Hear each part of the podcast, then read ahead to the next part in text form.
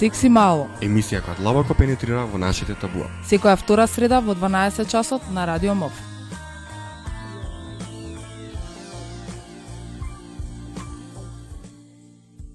Здраво, Мацо. Здраво, Ани. Значи, повторно во студиото само јас и Ани. Ани вика здраво на сите, ја викам уште една среда со вас, значи мора да си го дадам мојот стандарден вовет. Апсолутно те поддржувам и така така. Ете така, Ани. Баш сега зборувавме дека поминато од прилика едно па година и пол од нашето што сталкање, што зборување во, во емисијата и дека супер ни е и дека супер се пронаоѓаме и така. Се надавам Се надам дека да на Були му е супер и да дека во иднина ќе продолжиме уште многу години да си го водиме секси мало и да ви информираме за се оно што е актуелно од светот на сексуалното и репродуктивно здравје. И токму денеска ќе зборуваме за еден а, значи така по-глобален феномен, да кажам, а нешто што, што треба да се случи, да. Така.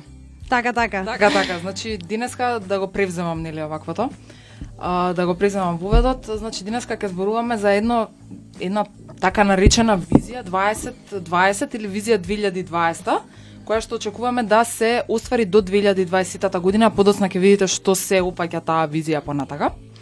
Иницијативата е подкрена, не покренува повторно а, меѓународниот фонд за планирано родителство, односно нели скратено IPPF на англиски, а, односно фонд во кој што и нашата организација и Хера е членка и токму затоа ние даваме толку важност на оваа визија за сексуално и репродуктивно здравје, а малку подоцна во емисијата Ќе ви збориме конкретно и во кој дел а, младинската група на Хера и тимот на Секси Мало ја согледува круцијалната важност на, на оваа визија.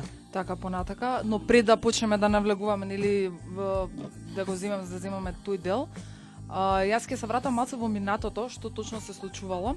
Значи во септември 2000 година сите светски лидери нели се собрале во седиштата на Обединетите нации во Нью Йорк за да се донесе некоја си милениумска декларација за и извршување на нов глобален план за намалување на екстремната сиромаштија и поставување сериозни цели, она што општо го зафаќа целиот свет, она што не знам се стреми се случува и нели со таа чисто декларација да се намали сиромаштијата, подоцна ќе видиме што понатака.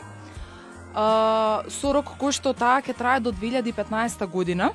Така, значи имало и, да. светските лидери, извини што прекинувам, а, кога крирале оваа декларација, седнале и решиле дека некој си временски распон од 15 години е доволен временски распон за да се подобрат некои алармантни состојби во општеството. И таа ни напомена, да. че тоа се состојби кои што не не тангираат само нас како, не знам, држава или индивидуи, туку се глобални, глобални генерални глобални, так генерални а, состојби и затоа таа декларација понатаму излагуваат и милениумските развојни цели. Така, Односно... скратено МРЦ.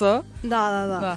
А, скратеницата е тоа и општо тие луѓе кога се заседнале тогаш да да продискутираат околу тоа, ги предвидувале оние општите глобални промени што ќе се случуваат и што ќе не, нели, што ќе не пропратат понатака во годините. Но осумте нели милениумски развојни цели, од тогаш формираа меѓународна глобална рамка за развој на политики и финансирање на на сите земји. Оваа агенда значи опаќа голем број на поврзани прашања кои се движат од намалување на сиромаштијата на човековите права, значи родовата рамноправност, обезбедување на пристап до образование, здравието на луѓето, значи оние општи фактори и општи работи кои што го засегаат секоја една човекова индивидуа. Буквално са а, ние бидејќи сме нели цело време врзани со сексуалното и репродуктивно здравје, треба да се истакне дека на почетокот сексуалното и репродуктивно здравје не било а, препознаено во оваа рамка. Така, се уште значи не било кај не било препознаено воопшто не било ни ставено во еден од редот на точките би рекла за за дискутирање. Што подоцна делумно значи се поправа таа точка во, во следната 2007 година би рекла и uh, со додавање на мета, значи на универзален пристап до репродуктивното здравје повторно до 2015 година. Меѓутоа значи, симптоматично, извини што прекинувам, и иако ставаме дека да репродуктивното здравје го спомнуваме повторно ке милениумските развојни цели, фали компонентата на сексуално здравје така, кое што ние да. постојано го потенцираме. Да, важно е репродуктивното, меѓутоа еднакво важно е и сексуалното здравје. Значи понатака од тоа време, значи милиони, милиони животи се спасени преку репродуктивното здравје, оно што точно сега го го кажавме. Е сега слично на тоа во многу региони на на светот, многу закони и политики се донесени за да се заштитат репродуктивните здравје здраво испречување на дискриминацијата против жените и девојчињата првично тоа, значи као би рекла као една од ударните точки. Да, мислам да се зачуваат правата, репродуктивните права пред се на сите, меѓутоа со акцент ставен на, На- жени и девојчиња како една Така. од поранливите категории во во општеството. Uh, глобалната стратегија на Обединетите нации за здравјето на жените и децата и Лондонскиот самит за семено планирање 2012 се насочени значи кон проширување на политичката волја и средствата за програми. Понатака со што значително ќе се намали намали таа мајчина смртност, да се забрза универзалниот пристап до контрацепција, она што е навистина битно и важно за конкретно за жените и девојчињата, младите и слично. Така. Значи, а ни спомна на стиката во светот веќе имаме некое менување на законите и регулативите а во полза на сексуалното и репродуктивно здравје. Збориме генерално за светот, значи збориме и за развиените и не толку развиените земји. Меѓутоа, колку што имаме подобрување од еден аспект, од друга страна имаме и како да кажам уназадување буквално А, на контраиндикации би Да, рекла, значи, баш. уназадување на овие права, бидејќи се соочуваме со ситуација каде што имаме се повеќе и повеќе, значи не секаде во светот, меѓутоа има конзервативни а, влади. Па така, на пример, се а, дозволува да имаме епидемија на одредени полово преносливи болести, инфекции, кои што понатаму влијаат на квалитетот на живот на сите луѓе, па и на жените и на девојчињата.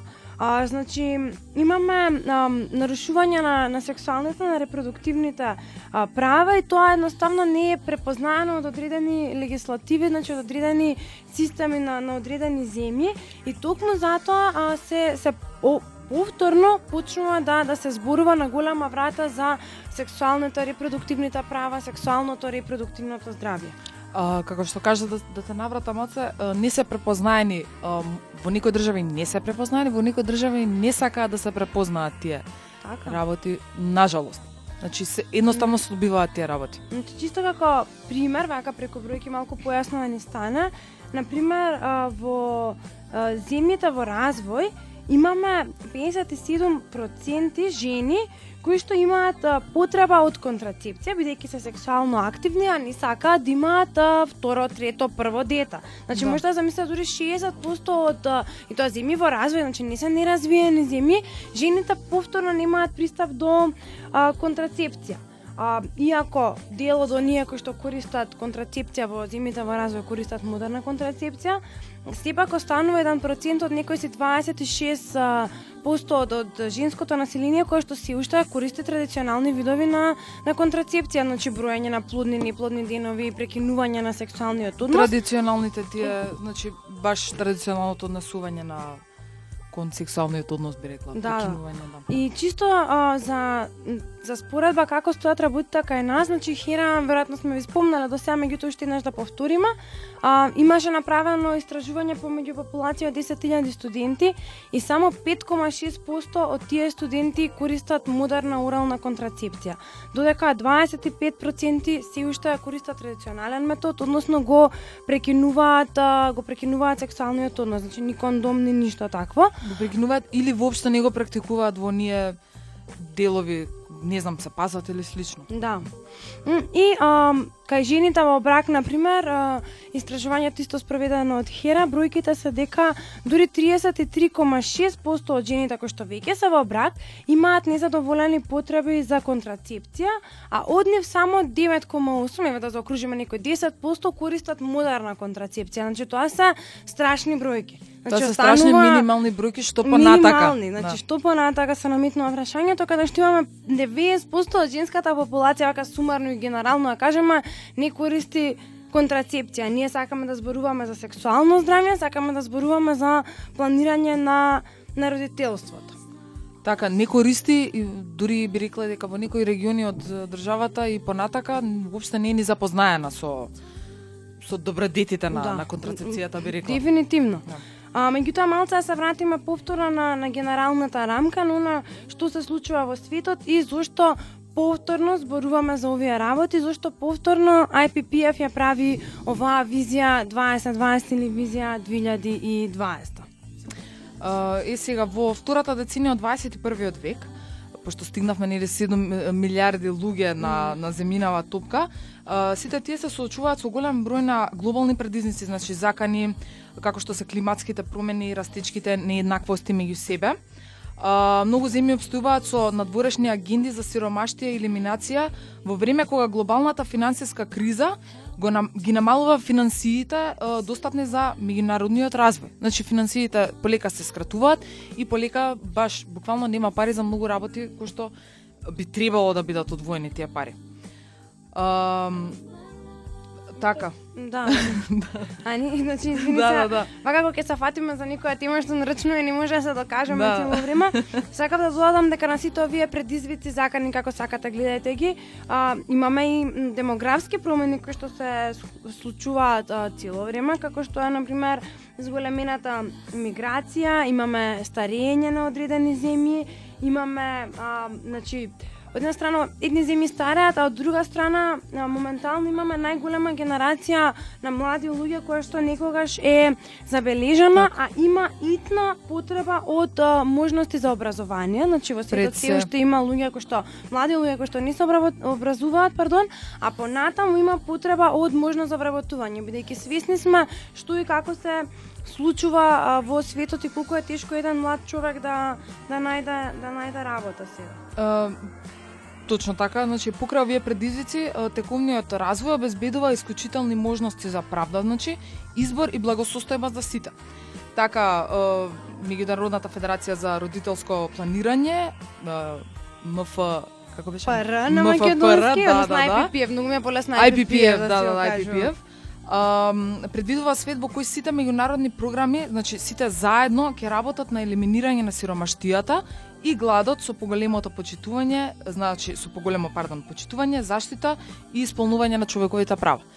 Ова вака звучи као едно прекрасно општество за сите, една утопија би рекла, но тука многу многу други работи влијаат, што мислам дека мислам ова е супер да се да се исполни сето тоа, но би рекла дека малце споро бидел, според мои Да. некои си предвидувања, не знам. Ја дефинитивно согласувам со тебе, само би сакала да нагласам а, што меѓу другото би се вклучило во оваа визија 2020, односно што е она што IPPF го а, предвидува или го посакува од аспект на сексуалното и репродуктивното здравје. Значи, тоа е индивидуална благосустоба, добросустоба на секој еден маж, жена, млад човек независно. Значи, удржлив а, развој кој што ќе се постигна преку глобална солидарност, кој што ќе се постигна преку а, користење на принципите на социјалната правда, или еднаквост, а, заштита на човековите права, респектирање еден човек со друг и слично.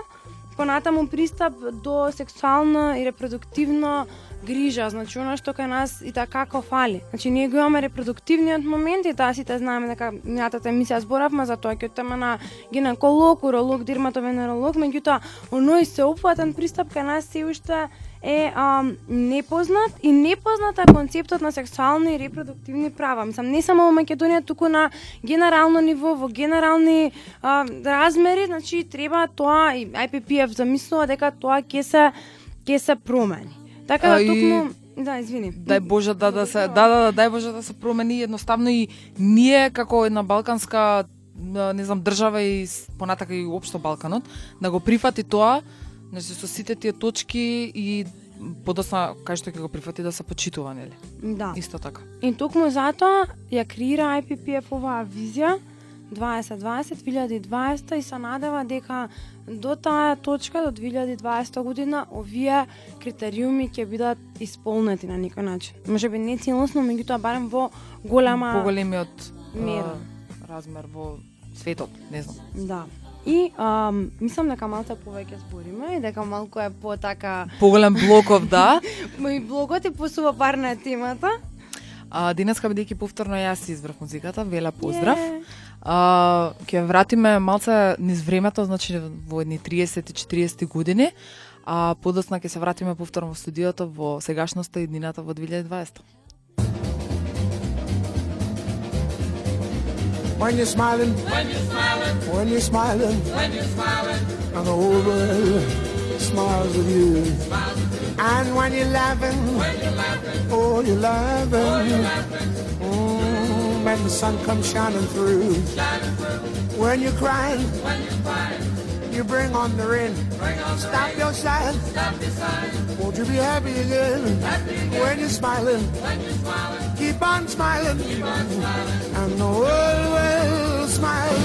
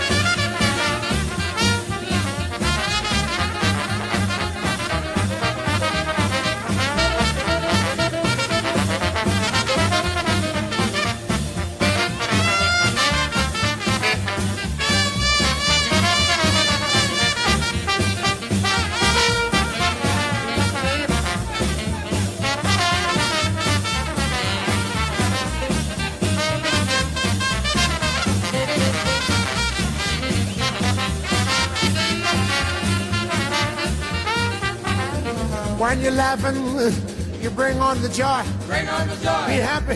Be happy. You gotta groove, my boy. You gotta groove, my boy. When you're smiling, when you're smiling, keep on smiling. Keep on smiling. And the world smiles with you. Cause I'm the sheik of Araby.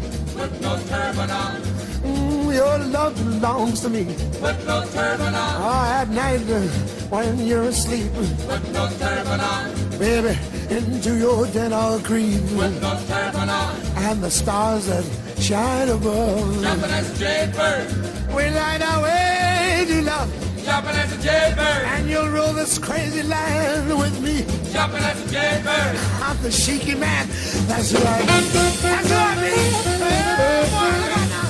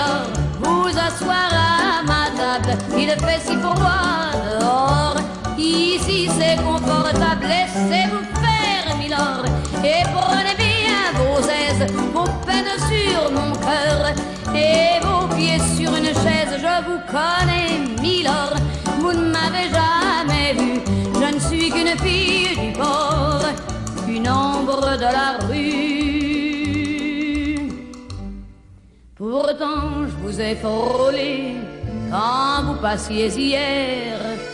Vous n'étiez pas peu fière d'âme, le ciel vous comblait, votre foulard de soie flottant sur vos épaules. Vous aviez le beau rôle, on aurait dit le roi. Vous marchiez en vainqueur au bras d'une demoiselle. Mon Dieu, qu'elle était belle. J'en ai froid dans le cœur. Allez, venez, Milord, vous asseoir à ma table. Il fait si froid dehors. Ici c'est confortable, laissez-vous faire, Milord. Et prenez bien vos aises, vos peines sur mon cœur. Et vos pieds sur une chaise, je vous connais, Milord. Vous ne m'avez jamais vu, je ne suis qu'une fille du port, une ombre de la rue. Dire qu'il suffit parfois qu'il y ait un navire pour que tout se déchire quand le navire s'en va. Il emmenait avec lui la douce aux yeux si tendres qui n'a pas su comprendre qu'elle brisait votre vie. L'amour, ça fait pleurer comme quoi l'existence, ça vous donne toutes les chances pour les reprendre après. Allez, venez, Milord, vous avez l'air d'un laissez-vous faire, Milord. Venez dans mon royaume, je soigne les remords, je chante la romance, je chante les Milord, qui n'ont pas eu de chance. Regardez-moi, Milord, vous ne m'avez jamais vu. Mais vous pleurez, Milord, ça je l'aurais jamais cru.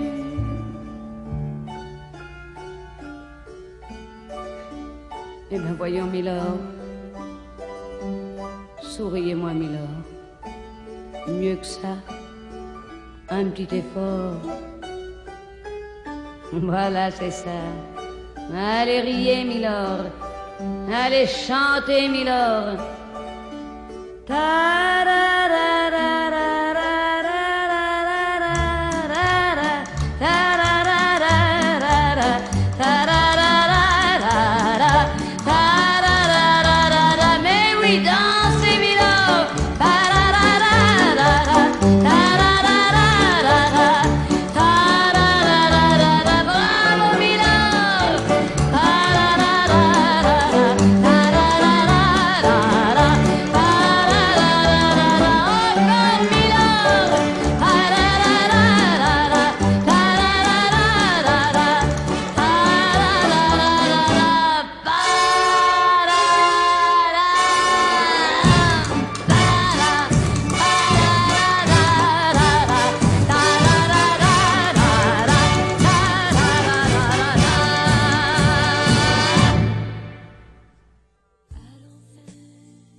И еве на назад во студиото. Уште една 2000 среда со вас. Уште една среда со вас.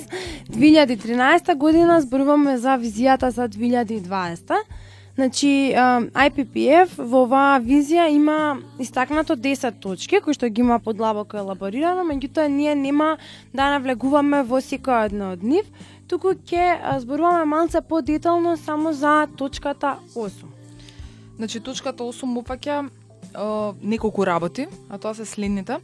Значи, обр- пред се овозможување на сеопфатно сексуално образование, образование достапно за сите до 2020 година, така гласи осмата точка, а таа ги опаќа следните поточки. Значи, МФПР или IPPF ги повикува владите да обезбедат задолжителен план за сеопфатно сексуално образование и пренесување точни информации, како и почитување на правата на сите луѓе, нивна едукација и ним, за нивното сексуално и репродуктивно здравје.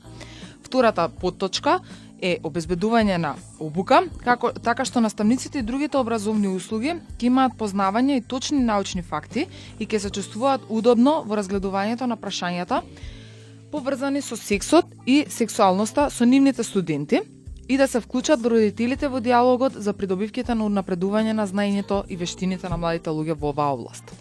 Така, значи постојат уште две точки на точката 8 која што говори за овозможување соопфатно сексуално образование за сите млади луѓе. а, кои што гласат обезбедување на материјали кои што се информативни, достапни и точни за младите луѓе и во формалното и во неформалното образование, со користење на различни медиуми, со што ќе им се овозможи целосно информирање и слободен избор во однос на сексуалното репродуктивно здравје и права, а која би се спре, а, која би се стремило нели нормално да спречи сексуална агресија и насилство меѓу младите и децата. И последната точка од оваа подточка, односно од оваа точка 8, а, се однесува на вклучување на мажи и момчиња во родово сензитивни програми кои ќе го напредат сексуалното и репродуктивното здравје и права.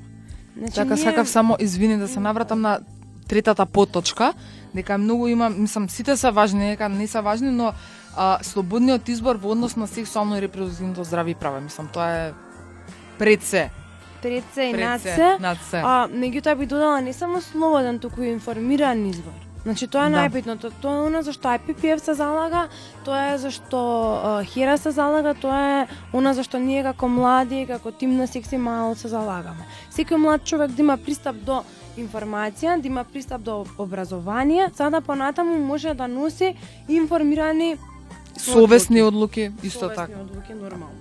Ние веќе во неколку наврати го имаме обработувано сексуалното образование и во во нашите емисии. И уште мислиме дека не е доста. Не е доста бидејќи нормално го, така. го нема, не постоечко и она што го има е инкорпорирано во други предмети каде што се пласираат а, делумно точни, целосни, нецелосни Неточни информации, информации, дискриминирачки информации до некаде. дискриминирачки информации, да. Точно така си уште жената нели сто пати имаме зборено се уште жената се поставува во тој втор план, така да Си на сето тоа треба да се работи, значи на пред се на наши, наши, нашиот психички момент, па подоцна до оние, не знам, книгите, тратки и слично кај што вадиме информација. Значи, мора да се работи на училишната курикула и на целоној материјал кој што се вклучува, мислам кој што го вклучува таа таа курикула. И токму затоа, значи, а, луѓето кои што работат во Хера постојано работат на застапување и лобирање за воведување на сеопфатно сексуално образование во училиштата. И пред некое време беше издадена една публикација која што се вика 8 причини зошто веднаш треба да се воведе сеопфатно сексуално образование пред се во основните училишта. Значи ние тука во оваа емисија ќе искористиме буквално шансата да да ви прочитаме дел од фактите кои што се објавени во оваа публикација. Иначе сите вакви публикации и документи можете да ги спуштите бесплатно нормално од нашата веб страна hera.org.mk. Значи, првата причина зашто треба да воведеме сопфатно сексуално образование е дека истражувањата покажуваат дека сопфатното сексуално образование придонесува за значително подобрување на сексуалното и репродуктивно здравје на младите, но и на здравјето во целост низ целиот понатамошен живот. Значи не само кога си млад, туку низ целиот понатамошен живот ти ќе имаш поквалитетен, подобар начин на живење.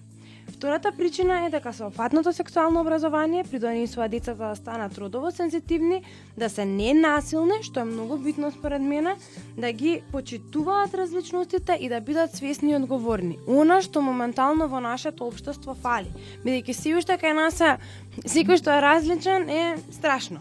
Значи Да. табу, значи стигма, значи Добро дискриминација. повторно ние жи- живееме во едно патриархално традиционално општество каде што малце тешко ги фаќаме прифаќаме промените, но се надевам дека еден ден и тоа ќе го барем нашите внуци ќе го доживеат. Јас се радам дека ние ќе го доживееме искрено, вака малку оптимистички. Во однос на третата причина за воведување на ваквиот вид на образование, Софатното сексуално образование им обезбедува на децата навремени и проверени информации кои се во согласно со нивната возраст и со нивните потреби. Овие информации му возможуваат да донесуваат одговорни одлуки. Оно што го споменавме пред малку со Ани. Значи, а соодветно на возраста ќе биде вклучено ова сексуално образование во училиштата. Точно така нема да се зборува нешто што не ги засега нив, како да да кажам.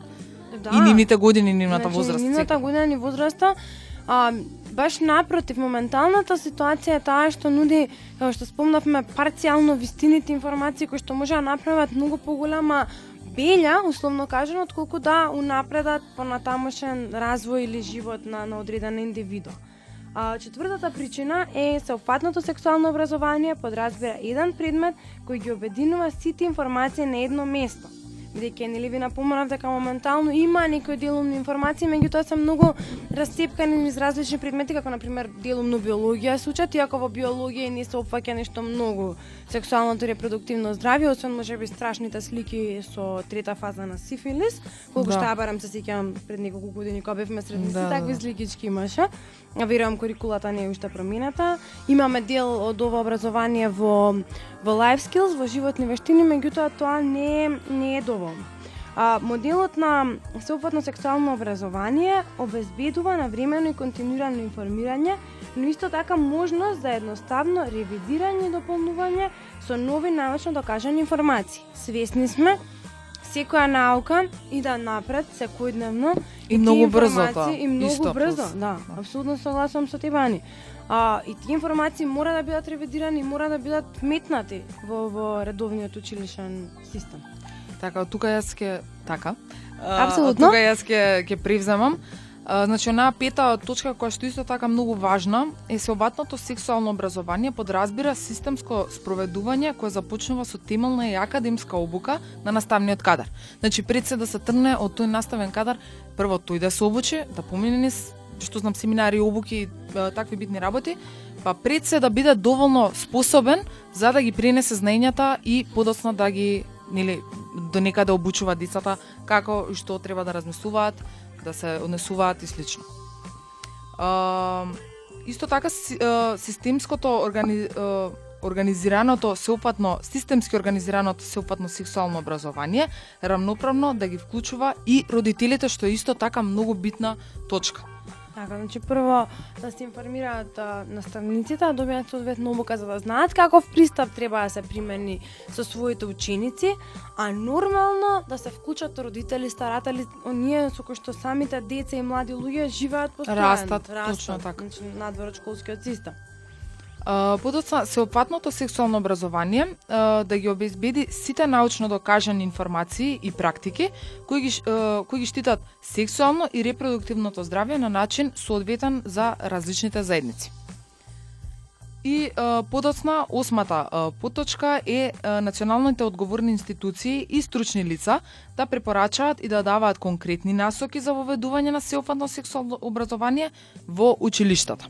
Така, значи, да има некој кој што целиот овој процес на некој начин ќе го а, интегрира, ќе го води, а, доколку нормално се наоѓа на позиција да го прави тоа, како што се одредени институции и нели лицата кои што се вработени во тие институции со цел да се Точно добие еден така. квалитетен систем на образование. Подоцна и тој да функционира така како што нели ќе биде поставен. Нормално. И значи во однос на сексуалното образование, тоа се тие 8 причини кои што Хира ги има наведено во, во својата публикација. Меѓутоа, пред да го затвориме овој блок, не би должеле јас ја ништо многу, бидејќи верувам дека доволно се изназборувавме денеска. Да. Имаме на крај уште едно изненадување, да кажам, во однос на визијата 2020. Само ќе спомнем уште неколку факти. Ја веќе во првиот блок а, спомнав неколку бројчиња, меѓутоа повторувањето е мајка на знаењето и така статистички кога се изразуваме, верувам дека малце по поблиску ви ја ставаме сликата и што е на што се случува кај нас. Ам, имаме податок кој што вели дека само 1,6% од младите девојки на возраст од 15 до 19 години изјавуваат дека користат орална контрацепција. Значи ви спомнав преска кај студентите тој број е малце поголем. Значи студенти се нели негде девојките над 18 години од прилика. Така, од 19 19 година. 18-19 Додека тој број е очигледно многу помал кај популацијата што е под 19 години. А, исто така, на пример, само 34,8% од младите користеле кондом при својот последен сексуален однос. Значи, останува негде 60 и нешто проценти кои што не користат а, кондом. Значи се проценува дека постои тенденција на зголемување на бројот на заразени со сексуално преносливи инфекции меѓу младата популација, особено со кламидија и со ХПВ. Значи хуман ХПВ, да. Имаме и претходно зборано а, ХПВ вирусот кој што а, масовно се заканува кај нас со нели со проширување и слично и мислам го имаме и во проценти во бројки зборано тоа нема повторно да се навраќаме чисто онака како информација М, се пониска е возрастната граница на појавата на карцином на грлото на матката како последица токму на новој вирус Ани што ви го спомнав. Значи како последица директно на на ХПВ кај кај девојките зборуваме. А се поголем е бројот на млади брачни парови кои што се соочуваат со стерилитет, значи што неможност да имаат а, деца, бидејќи а, предходно не била третирана соодветно некоја сексуално пренослива инфекција. Во најчест број од случаевите тоа е кламидија, значи бидејќи кламидијата е често пати асимптоматска, не покажува баш драстични симптоми, посебно кај машката популација, значи не се третирала на времено и доаѓаме до состојба за после известно време младите брачни парови, младите луѓе, независно дали се во брак или не, да не можат едноставно да имаат имаат деца. Загрижувачка состојба се случува кај нас и со насилството и со нетолеранцијата меѓу младите. Мислам, сведоци сме секојдневно на, на таквите случувања. А, се повеќе растат родовите стереотипи, родовата нееднаквост, значи загрижувачки индикатори ќе речеме да жени, мажи се еднакви, меѓутоа ги забора и, и не сме целосно еднакви, а пак морам да кажам, нели постојано го истакнуваме тоа и низ нашава секси мало, меѓутоа ги забораваме и другите луѓе кога зборуваме за родов идентитет, да. например припадниците на ЛГБТ заедницата и слично. А, исто така, освен во неколку поголеми општини, најголем дел од локалните самоуправи пријавуваат недо, на пријавуваат, пардон, недостаток на средства за соодветна грижа за сексуално и репродуктивно здравје кај млади. Значи, локалните самоуправи не се во состојба да одвојат дел од своите буџети за за оваа цел. И токму затоа кога ќе видиме целосната големата слика, ситуацијата е алармантна, ситуацијата И загрижувачка, е загрижувачка и затоа лобираме и се застапуваме за воведување на сексуално образование, значи а, и да дојдеме до ситуација кога стварно луѓето ќе станат свесни за потребата од овој вид на, на образование. Така. Бидејќи ти ги истакна оние факти кои што се битни за сексуалното и репродуктивното здравје на младите во Македонија моментално сега што се случува и како стојат работите. Јас ќе издвојам, ќе ќе направам една мала паралела помеѓу фактите за Европа. Еве како зими ги се земени Велика Британија, Холандија и Бугарија. И што точно кај нив се случува моментално. Значи кога станува збор за Велика Британија, таа да, си има изјасното би рекла за задолжително образование дека не го прифаќа. Да, сексуално образование. Сексуалното образование, да. А, стапката на тинеџерската бременост земени околу 1000 а, девојки од 15 до 19 возраст изнесува 27,8%. Значи, можете да замислите дека, извини што Да, прекинувам, да, да. а, на 1000 девојки во таа возраст од 15 до 19 години, стапката изнесува 27,8. Значи, тоа е скоро 30 Имаме а, тинеџерски бременности во Велика Британија, ќе кажеме Велика Британија, нели развиена земја, прогресивна, со висок стандард, мислам според Европска унија, ова на побогата баш, земја. ама Да, да. богата земја. Ама сепак значи тие не се нешто подобри од нас би рекла, не знам.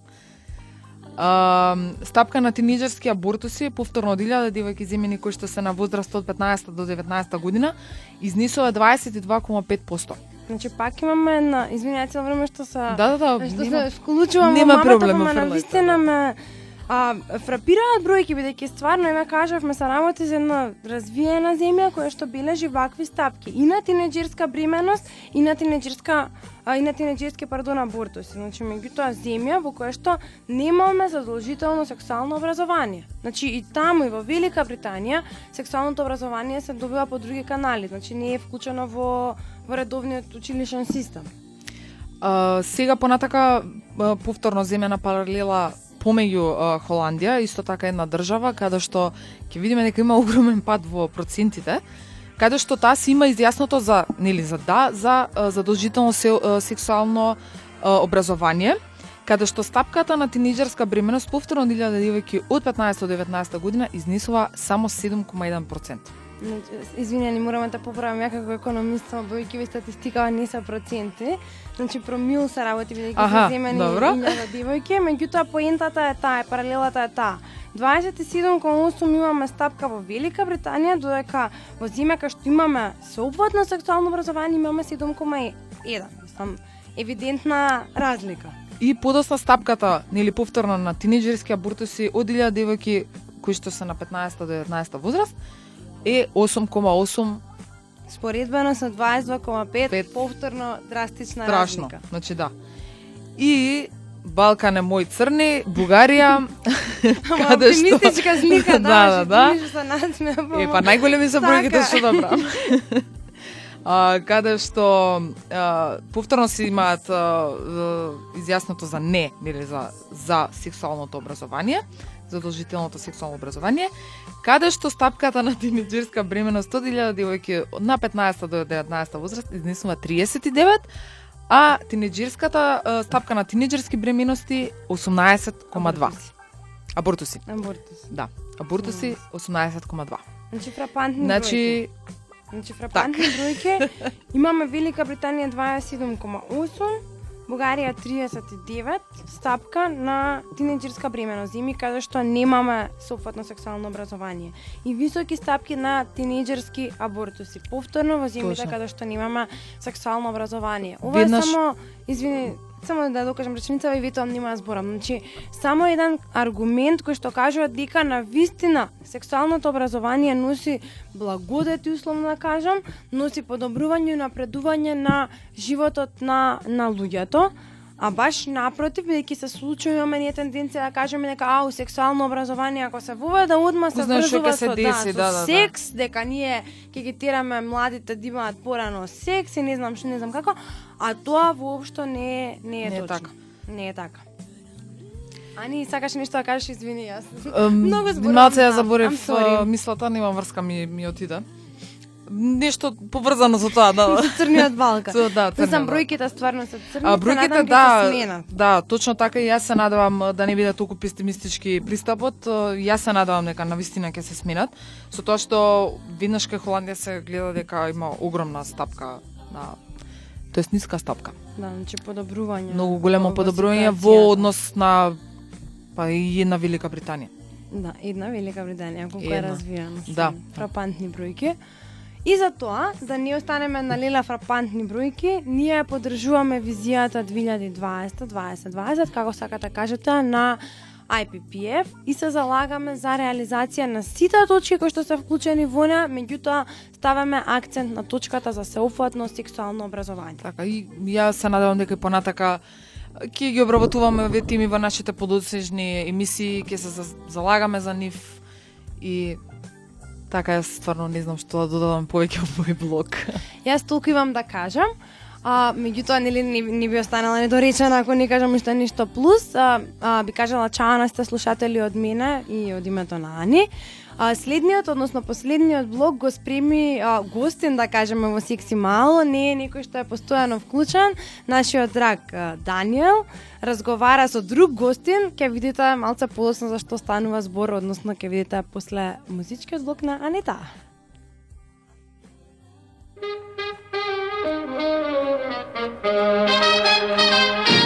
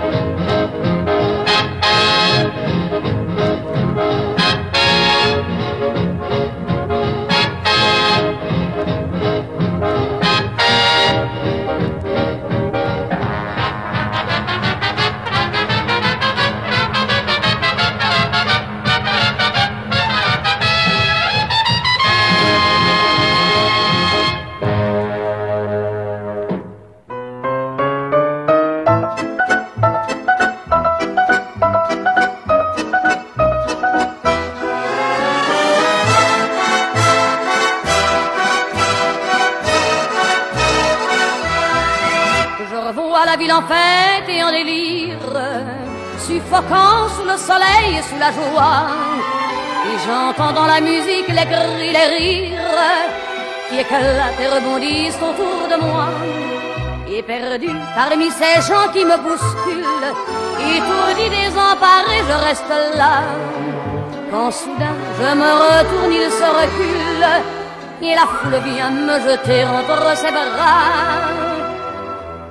Emporté par la foule qui nous traîne, nous entraîne, écrasés l'un contre l'autre, nous ne formons qu'un seul corps. Et le flot sans effort nous pousse enchaîner l'un et l'autre, et nous laisse tous deux épanouis, enivrés et heureux. Entraînés par la foule qui s'élance et qui danse une folle farandole, nos deux mains restent soudées. Et parfois soulevés, nos deux corps enlacés s'envolent et retombent tous deux épanouis, enivrés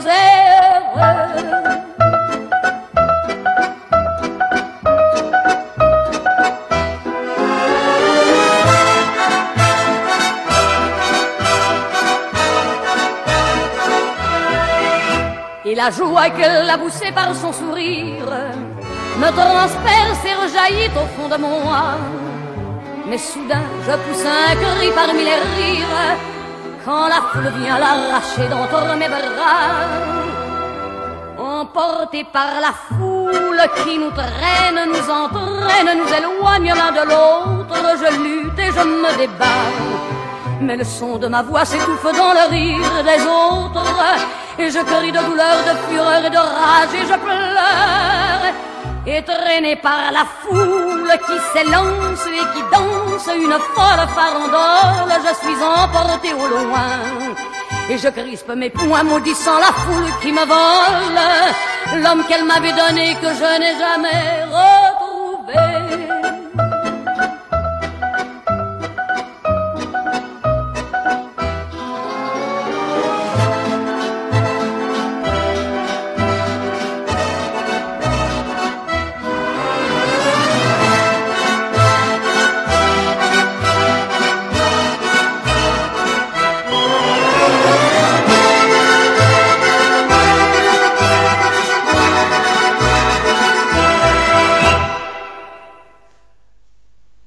Драги слушатели на Сикси Мало на Радио Мов, многу ми е драго што да денес сум дел од ова оваа емисија. Маце Јани предходно ме најавија, најавија дека јас ќе бидам денес со вас и дека денес имаме едно интересно интервју, така јас само на кратко би најавил дека во наредните 15 на минути ќе збориме со Јелмас Дирвиш, уредник на забавната програма Валса Тем телевизија и водител на забавната емисија Пицикато, уредник на истата емисија, а исто така во моментов и водител на скрината камера на Алса Тем. Здраво Илмас. Здраво. А, како што предходно веќе најави во денешната епизода на Секси Мало на Радио МОВ со нас е а, Илмас. А, Илмас, првен да ти се заблагодарам што прифати да бидеш дел од денешното издание на Секси Мало и да ти посакам добре дојде од име на целата екипа на Секси Мало. Благодарам на моје задоволство и поздрав до сите ваши слушатели. А, благодарам. А, Маци Јани а, предходно во првиот дел од емисијата најавија дека визијата 2020 на Меѓународната федерација за планирано родителство на 22 април во Нью Йорк ќе биде представена пред светските влади. како што предходно и тие кажа, ова е документ кој што ги представува нашите цели, онако кој што ние би требало да се стремиме и би требало да го постигнеме до 2020 година. Сега Илмас, јас би сакал да те прашам од твоја лична и лична и професионална перспектива да кажеме Што според тебе во однос на сексуалното и репродуктивното здравје а, е може би приоритет во нашата а, земја? Што е оно што а, би требало најпрво да биде сторено? А, па вака, бидејќи јас и претходно сум упатен или бев директно вклучен во меѓународната конференција самитот, тоа што се одржи во Осло во име на 60 годишнината на IPPF како светска организација и лидер. А, би сакал дека ние тогаш кога креиравме некоја драфт агенда за што а, и во кој начин би се одвивале проектите на светско ниво, како големи предизвици беа поставени препознавањето на сексуалните права и репродукција како човекови права пред се, а, значи усвојување, усвојување на закони и полиси кои би го намалил ефектот на стигматизација и дискриминација врз жените, мажите, врз сексуалната ориентација и родовиот идентитет, постигнување на високи стандарди во здравствениот систем, јавниот и приватниот, со што би се креирала една здрава околина во кој би се избегне било каква дискриминација врз база на пол, на хип статус, на сексуална ориентација и родов идентитет. А, битно, битен момент е тоа што во 2020 проектот сакат а, да се вклучат и како цел е вклучување на повеќе млади во донесувањето на одлуките во врска со нивната сексуална и репродуктивна здравје, значи инвестирање во една здрава и нова генерација со нови ментални склопови што се однесува до овие теми. А, исто така тука е и воведувањето во различни нели знаеме дека секоја земја, секоја држава а, се се а, значи се соочува со различни а, нели проблеми што се однесува до оваа тематика. А, тука значи а, би, би, би било и вклучувањето на задолжителна едукација во образовниот систем што се однесува до а, сексу, сексуално репродуктивната здравје. А, исто така нели вклучувањето и на медиумите, знаејќи ја нивната моќ, значи а, во, во, во секое општество, вклучувањето, едуцирањето и тренирање на, на, на новинарите, едуцирање за како да ги трени, третираат темите во нивните извештаи, вести, надписи, во онлайн новинарството, исто така што се однесува до, до оваа тематика. И а, кога се споменав за вклучувањето на младите тука, значи а, е битно нели на онлайн ак- активизмот, бидејќи сега знаеме дека променете начинот на, на комуницирање и дека денес преку социјалните мрежи а, може да се направат доста промени, доста млади може да се информираат, да бидат апдейтирани а, со сите а, со сите информации што се што се однесува до оваа тема. А, така, Вилма ти спомна најразлични аспекти што се однесуваат на сексуалното и репродуктивното здравје и, и а, нели што би требало да да биде приоритет ти спомна препознавање нели на сексуалните права како човекови права нели тоа да се уреди нели законски постигнување на високи здравствени стандарди на нудење на а, услуги воведување на сексуално образование и така натаму и така натаму. И од ова всушност може да видиме дека сексуалното и репродуктивното здравје и права всушност како една област а, а, се, е многу широка област и во себе нели вклучува а, многу многу прашања кои што а, пред се се а, деликатни. Нели и самиот ти ти спомна дека дел од прашањата се а, деликатни. Јас сега би те прашал покрај она нели што треба ние да направиме или да да постигнеме. Што мислиш чисто од твој личен аспект колку нашето општество, нашите нели луѓето, младите, нели постари и помлади, колку се спремни да да зборуваат за сексуално и репродуктивно здравје, за да кажеме било кој аспект од сексуалното и репродуктивното здравје и дали ти чувствуваш дека може би ние стануваме поотворено општество во однос на овие прашања или пак не ни се случува токму спротивното? А, па вака што се однесува до Македонија, значи а, јас мислам дека така, значи нашето општество, а, мислам дека а, ова прашање е дефинитивен предизвик во секоја етничка заедница бидејќи постојат различни проблеми. Знаеме дека Македонија нели е мултикултурно општество Да. и значи секоја етничка заедница има различни а, различен менталитет и различна а, различен начин како го гледа овој проблем, но исто така нели знаеме дека постојат и тие разлики во урбаните и оние рурални руралните, средини. Да, да. Така, е сега како едно да го глобализирам, да го генерализирам, Македонија сепак е нели постои оној балкански патриархален менталитет, иако а, во последниве години барем јас нели а, припаѓам во онаа нова генерација, Да. а, мислам дека имаме поголем а, пристап а, до информации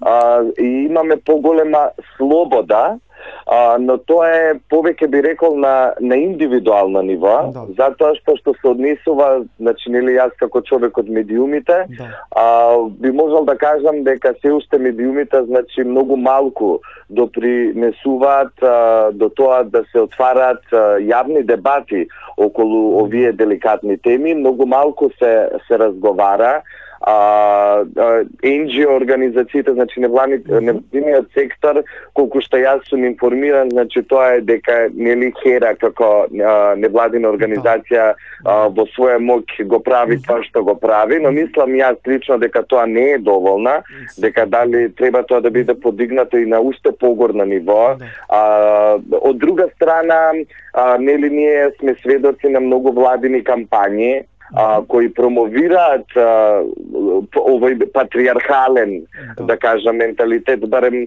она што јас а, се сеќавам, е знам дека една реклама што беше за СИДА пред година две, а, мислам беше а, будеше директна а, Да, дискриминација. стигма, Да, да. Као, Така, отвараше многу прашања и беше е дискриминација за тие Да, да, да. позитивни или пак кампањата нели што е за роди трето дете и и така натака што Uh, не знам, значи uh, има различни аспекти на кои на различен начин треба да се третираат.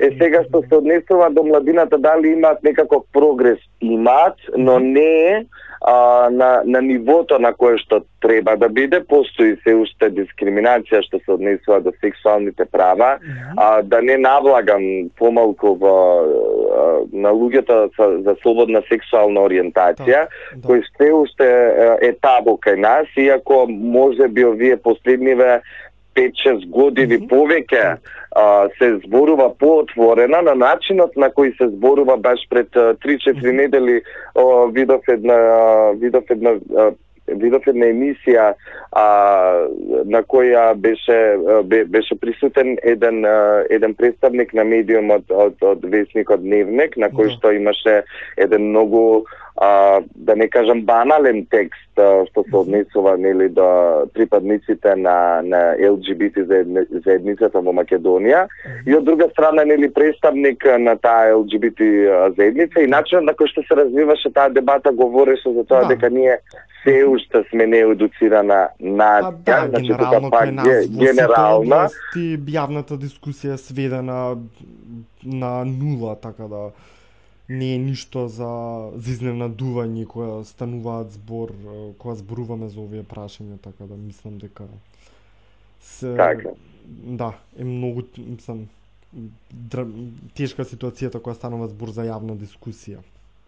Така, така, но мислам дека медиумите а, сепак нели се огледало на општеството и улогата која имаат а, тие е да нели да сервираат а, тоа што сервира тоа и се јаде кај публиката, Да, така да мислам дека некој веќе конечно е време а, да, да дискутира околу тоа како што еве пример знам дека го прави го прават хрватските медиуми на кои што имаат доста дебатни емисии што се однесуваат до овие теми. А, исто така Словенија тука за пример.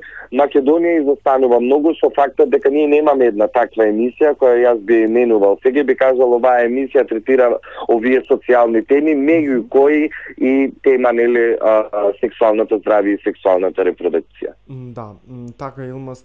Минем, јас би се осврнала на мој дел кој што ти го спомена денес, иако, нели, сите имаме пристап до информации, закачани сме на интернет по 24/7, и генерално младите луѓе имаат, нели, пристап до информации, но тоа е секако на индивидуално а, ниво, нели, колку јас сакам да научам и, нели, колку јас можам да да дојдам до вистинските информации, затоа што нели од друга страна ако имаш и премногу информации, ако не знаеш како, не знаеш да ги а, одбираш вистинските а, информации, да, од друга страна пак немаме некој а, немаме системски начин како а, нели на младите да им понудиме а, вистински информации образование преку а, преку нели институциите, преку образованието, училиштата и така натаму и така натаму и така да и ти како што кажа другите земји може би се многу многу понапред во однос на на овие прашања, додека пак кај нас се случуваат некои други други процеси. Сега Илмас, јас за крај на ова наша кусо интервју се надевам дека во некоја наредна прилика ќе имаме повеќе време да да помуабитиме на овие или некои други поконкретни теми. А, а, сакав да бидеш дел од ова емисија чисто како човек кој што долго време си дел од медиумите, како што кажав, моментално си дел од Алса Тем како национална телевизија и ти на неколку наврати нели човек од медиумите си и ја спомна нели улогата на медиумите. Според тебе што македонските медиуми прават или не прават за да а, се подобри или да се а, влоши а, да, да кажеме одредена ситуација поврзана со сексуалното и репродуктивното здравје, односно што можат да направат македонските медиуми без разлика дали станува збор за телевизија, весник, интернет портал, радио или така натаму за да а, нели придонесат нешто кон а, кон одење напред, не да се враќаме ретроградно на некои вредности и принципи. Така, како прв пример би било нели новинарите што го следат нели mm -hmm. здравството бидејќи ова сепак спаѓа во во областа на на здравството да. и образованието. А најнапред би требало новинарите и тие постарите и тие од новите генерации, значи да се едуцираат околу темата а, за сексуално репродуктивно здравје, бидејќи јас тоа го направив нели пред година две, иако горе доле како што предходно спомнавме дека ние од различни а, на, на, на различни начини од различни медиуми нели дознаваме неколку информации, а, значи да бидат запознавани со терминологијата, тоа прво прво и најосновен чеко што треба да го направат нели медиумите, А, друга работа е што треба да се направат дали во соработка со владата, дали во соработка со со NGO секторот, да се направат а, емисии а, дебатни на кои што би се отвориле овие прашања и би биле повикани нели експерти од различни области кои би се а, би, би, би, би ги отвориле овие прашања и би ги дискутирале за да ги добијат тие информации, тоа што и предходно спомнавме да бидат сигурни, да бидат проверени, нели а, да се даде еден професионален однос околу так, тоа. А, значи тоа е улогата што медиумот може да го направи. Сега каде се нашите медиуми, тој преска го кажав, дека ете јас ако е телевизијата, значи ако ја спомнам а, како пример, а, пак ќе кажам дека нема ке нас а, се уште такви дебатни емисии каде што би биле покат а, поканети. Има некои утрински емисии, значи а, во кои површна по, на многу површински начин ја ја чепнале оваа тема, но не навлекле длабоко, бидејќи нема некаква мисија. Ние знаеме дека доколку а, сакаме, нели, доколку овој проблем или оваа тема би требало да се отвори, тогаш би било а, до, а, до, на друг начин би се пристапило доколку тоа е на едно повисоко ниво, доколку да. владата или а, државните институции би се вклучиле во тоа и тогаш и медиумите би го пренесувале тоа. Значи тоа се различни столбови, тука е и NGO секторот што да. на секој со својот придонес би помогнале да се изгради една здрава нација а, здрава младина кои би биле информирани околу околу оваа тема. Да. Океј, okay, Илма, сега суште еднаш да ти се а, заблагодарам што беше дел од а, ова издание на Сикси Мало, кое што се митува секоја а, среда на Радио МОВ и се надевам дека следниот пат а, кога ќе се видиме ќе биде во а, обратна улога Сикси Мало во спицикато Или па не знам, во нескриена камера, ако не фатиш негде по улица. Така, зашто да не? Значи, јас неколку пати во моите емисии имам тренирано, иако нели тие се од да. забавен карактер. Да а, нели повеќе да бидеме досадни, естрада, Да. култура, Така. но на директен или индиректен начин секогаш а, се трудам барем јас лично како уредник а, а, на позабавен начин а, да информираме што се однесува до овие тематики бидејќи сепак тоа не е наша област на кој ние посериозно би можеле Да. а, да разговараме а, и не сме ни адекватни. А, но сепак на некој начин а, промовираме што се однесува до различни кампањи и нели големите денови како што е денот на борба против сидата и различни кампањи што се организираат кај нас ние ги покираме тоа а, кога што кога се однесува нели кога се вклучени и страдата, познатите лица, така да ние сме тука тоа да го покриеме. Благодарам многу, на ми беше многу големо задоволство што учествувам во оваа емисија и зашто да не да се видиме и во различни прилики во, раз, во различни прилика, во различна форма. Тогаш јас би бил е, новинарот, а вие би биле тие што би одговарале на моите прашања. Да, да, секако. Океј, фала многу Илма, се гледаме во некоја наредна прилика. Поздрав, Поздрав. поздрав, фала ви на вас.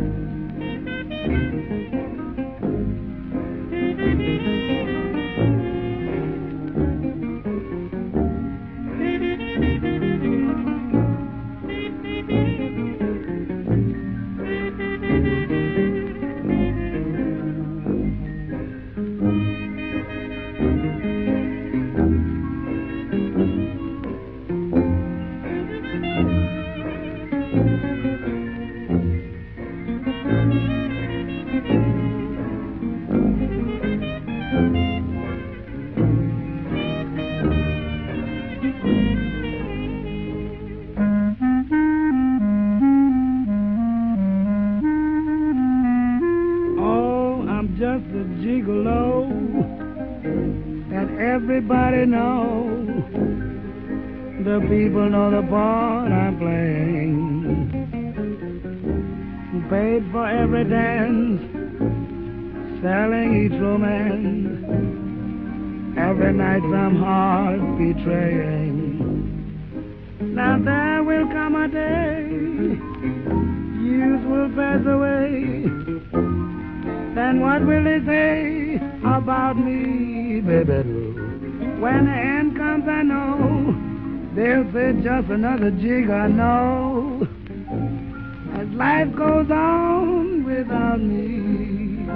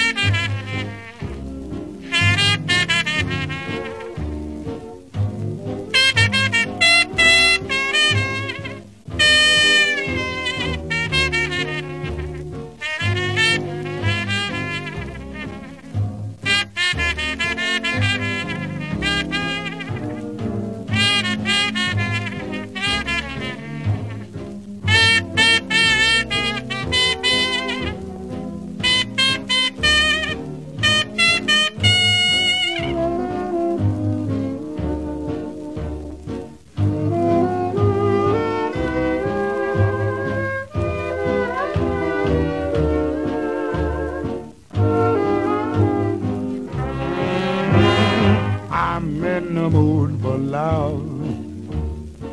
Simply because you near me. Oh, funny when you near me. I'm in the mood for love, mama.